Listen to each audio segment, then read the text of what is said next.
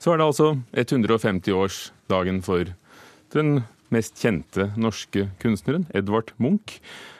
Han ble født i Løten i Hedmark, og der er dagen blitt feiret med barneselskap. Feire Edvard Munch. Bursdag. Vi skal feire hans bursdag.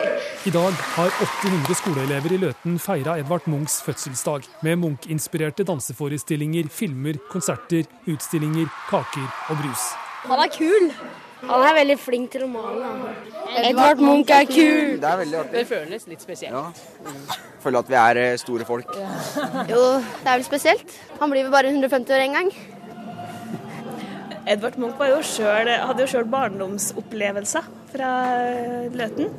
Eh, og Derfor er det viktig å, å satse på, eh, på barn. Og, og Ungene og ungdommene er vår fremste ressurs, framtidas kulturbrukere. Eh, og det er veldig viktig, viktig for Løten kommune. Sier Kjersti Sandvik, leder for Munchs 150-årsjubileum i Løten. Foreldra til Munch, Christian og Løra, de leide ei leilighet av mine tippoldeforeldre. Ole Anders Spikkerud driver gården i Løten der Edvard Munch ble født i andre etasje på denne dagen for 150 år siden. I andre etasjen her i eh, hovedbygningen, og det er i andre etasje på sørsida. Og det var jo slik at den var ikke helt frisk da han var født, så han ble hastedøpt på salen dagen etterpå. Og der var min eh, tippoldefar Anton, som var hans fadder. Hvordan er det å bo på Edvard Munchs fødested? Det, man blir jo litt ydmyk, en gjør jo det. Eh, men samtidig så syns jeg det er spennende å prøve å ta vare på det unike, sånn estetisk spesielt. Og det er krevende med mye vedlikehold. Ta mye gamle, gamle hus. Men eh, det er moro òg. I hele år har det vært en lang rekke Munch-arrangementer over hele landet. Slik oppsummerer lederen for det nasjonale Munch-jubileet, Elsebeth Kjærskov, året som har gått. Jeg syns det har vært et fantastisk eh, vellykket år. I dag er det festforestilling og avslutning, men jeg syns hele året har vært en stor sammenhengende fest. Det har skjedd så mye, både i, sentralt i Oslo og rundt omkring i hele landet. Og i, særlig i Munch-kommunene. Hva håper du folk i Norge skal sitte igjen med etter alle arrangementene?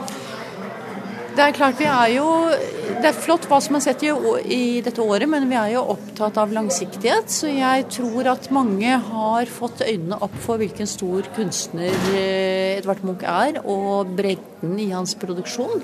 Så jeg eh, tror at mange forstår hvilken plass han har, eh, både nasjonalt og internasjonalt. Så at vi har Han er den eneste norske billedkunstneren som er av virkelig internasjonalt eh, format. Så det er eh, Vi har Ibsen og vi har eh, Edvard Munch. Det er liksom de to som, som hevder seg det, på det store internasjonale arenaen. I kveld avsluttes det nasjonale Munch-året med festforestilling i Terningen arena i Elverum. Her skal den norske billedkunstneren som er mest kjent over hele verden, hylles i ord og toner. Forfatter Karl Ove Knausgård holder festtale. Norges musikkhøgskole symfoniorkester under ledelse av Rolf Gaupta spiller musikk av Richard Strauss, Igor Stravinskij og Ludvig van Beethoven. Are you listening? Absolutely. Og i dokketeatret The Painter får publikum møte Edvard Munch som ung, barn og gammel. Why was I born? Av de mange inviterte gjestene kommer bl.a. ambassadører fra Italia, USA, Irak, Sør-Korea, Polen, Island og Costa Rica. Jeg tror det blir helt fantastisk. Det hele blir en flott opplevelse. Nå er jeg bare glad og lykkelig at vi har kommet så langt.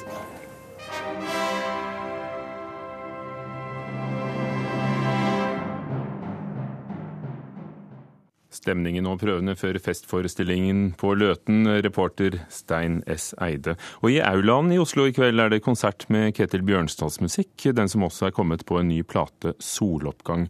Ketil Bjørnstad skrev sin biografi, historien om Edvard Munch, for 20 år siden.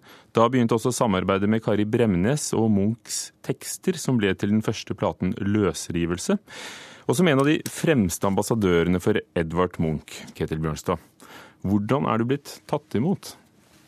I år har det vært veldig hyggelig, for det har vært svært mange konserter med de tre prosjektene jeg har. Både soloppgang, som vi skal gjøre i aulaen i kveld med kor og Kari Bremnes, og så dette Kari Bremnes-prosjektet Løsrivelse, som også er 20 år gammelt, med tonsettinger av Munch. Og dette foredraget jeg har som bygger mye på boken min, hvor jeg også spiller annen musikk som jeg har komponert, inspirert av hans bilder, rundt om i Norge og i Europa. Og det som er, forslår meg hele tiden, er jo at folk er utrolig berørt av det Munch formidler selv, det, det bakteppet til hans bilder, som er tekstene, hvordan de går rett hjem bestandig.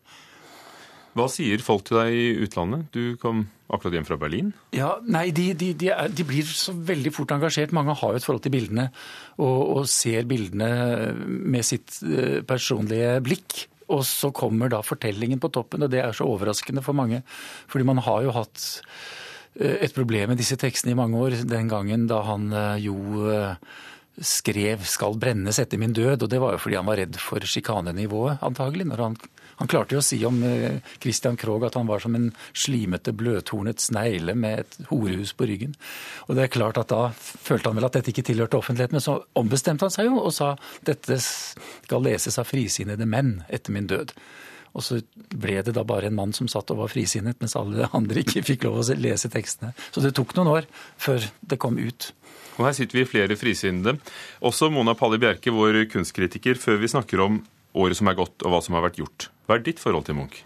Ja, Det er et sterkt forhold. Eh, og jeg kommer fra en ganske kunstinteressert familie, så jeg eh, møtte nok Munch tidlig. Jeg husker veldig godt at jeg og storebroren min satt over malebordet og diskuterte Jeg hadde lagd et bilde med en stor sol, og broren min sa da på storebrødres vis at eh, du kan ikke gjøre det, for at du vet solen er så sterk og skinnende at den kan ikke gjengis. Og det er derfor kunstnere maler solen f.eks. bak et tre eller bak et hustak. Og så fortalte jeg dette videre til mormoren min, og da sa hun til meg at ja, men nå skal jeg ta deg med et sted, og så skal du få se en som virkelig har greid å male solen. Så tok hun meg med da til universitetets uh, aula. Og hva så du? Ja, der så jeg Munchs sol som en eksplosjon av lys og farger. Og senere så skulle mitt eh, forhold til Munch intensiveres. Eh, på Steinerskolen, tolvte klasse som det het, så skrev jeg årsoppgave om Edvard Munch, og det er jo da en fordypningsoppgave som man skriver gjennom et år. Hvor jeg nærmet meg Munch gjennom å male, de grafiske teknikkene, og også sang. Og da skrev jeg da et brev til Ketil Bjørnstad og eh, spurte om notene til dette, disse fantastiske tonesettingene som han, vi har snakket om allerede. Og han var vennlig, sendte meg dem, og jeg jobbet hos sangpedagog med dem. Og han betydde jo veldig mye for meg, Ketil Bjørnstad, i mitt møte med Munch. For også denne biografien som var helt fabelaktig, og som gjør at du kommer så nær Munch den satte meg da som 19-åring inn i en veldig sånn svermerisk modus, hvor jeg opplevde nesten at jeg sto i en slags personlig relasjon til Edvard Munch, og jeg måtte liksom gjøre slutt med kjæresten til og med, for det var liksom Munch for alle penga eh, da. Det er jo kommet flere biografier om, om Munch, men hva tror du din bok gjorde? Ikke bare for Mona, men for folk? Den ble jo skrevet i den perioden hvor disse tekstene ble endelig tatt hånd om. Det var jo i, i Munch-museet eh, folk som brukte tekstene plutselig til å forklare bildene. Og jeg var så heldig at jeg kunne komme til biblioteket og arbeide der. Fikk veldig god hjelp av uh, sjefsbibliotekaren den gangen, Sissel Bjørnstad, som viste meg og guidet meg til hele dette enorme tekstområdet. Og, og det som jeg jo gjorde, var jo å prøve å rekonstruere det som kunne vært hans selvbiografi. For han ønsket jo å skrive en selvbiografi. Den skulle til og med hete Min forbryterdagbok. Han hadde flere titler på den for øvrig. Men, men da å gå inn som forfatter og se tekstmaterialet som var ganske forvirrende og fragmentarisk, og prøve å samle det og så finne én samlende fortellerstemme, det, det var noe av det morsomste jeg tror jeg har gjort som forfatter. Men veldig krevende, da. Som kunstkritiker, der er det jo flere skoler. Hva gir biografien og, og kunnskapen om et liv oss i forhold til det å forstå og sette pris på kunsten? Altså I forhold til en kunstner som Munch, så er det jo helt avgjørende, fordi han er en kunstner som nettopp maler sitt liv, som han selv sa. ikke sant? Og da er det ytterst relevant å se på hans opplevelser, hvordan han maler seg gjennom sin egen eksistensielle smerte, sine egne erfaringer med døden, sin egen sorg i, i, møte, i forhold til alle de han mistet, osv. Så, videre. så her er det biografiske veldig, veldig viktig. Som en kunstner selv, så er det jo da et valg du gjør, Ketil Bjørnstad, å bruke så mye tid, krefter og tanker på én manns verk. Og det har du da gjort av og på i, i, i over 20 år. Hvorfor? Fordi materialet er så sterkt, og jeg merker på mennesker som eh, jeg møter ikke minst de som nå synger i kor, og som fremfører soloppgang. Det har vært flere kor som har gjort det i løpet av året de blir berørt. Som jeg sa til Mona, så, så har jeg opplevd på, på prøvene at, at, noen av eh, sopranene plutselig står og gråter fordi tekst, tekstene er så direkte og de er så allmenne, merkelig nok. Dette er jo veldig personlige betraktninger han kommer med, men han klarer jo både i bilde og i tekst å gjøre det allment. Hvis en kvinne forlater ham, så skriver han om det at han står igjen som et eh, åpent, blødende sår. Og de tingene de, de har vi jo alle erfart i, i, livene våre, så vi kan bare ta det rett inn som trøst i, vår egen, i, vår, i vårt, våre egne liv.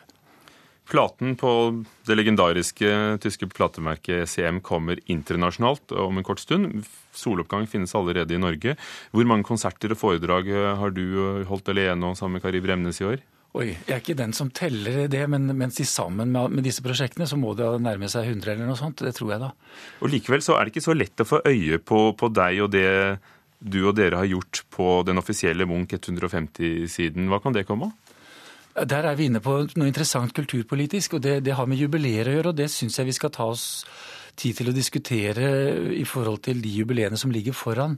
Vi gir ikke veldig mye penger her i Norge til selve jubileet. Vi lar på en måte noe overordnet si at her kan alle gjøre hva de vil. Og så, så, så får ikke artister og, og, folk som har lyst til å bidra, nødvendigvis drahjelp til å komme i gang.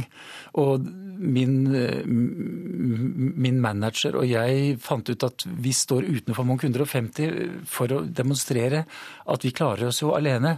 Og, og det skal ikke være slik at det er staten som soler seg på hva mange gjør i, i, Norge i forbindelse med et jubileum. Det skal være omvendt, egentlig at staten skal komme og si nå feirer vi noe. Hvem har lyst til å bidra? Og så hjelper man hverandre frem.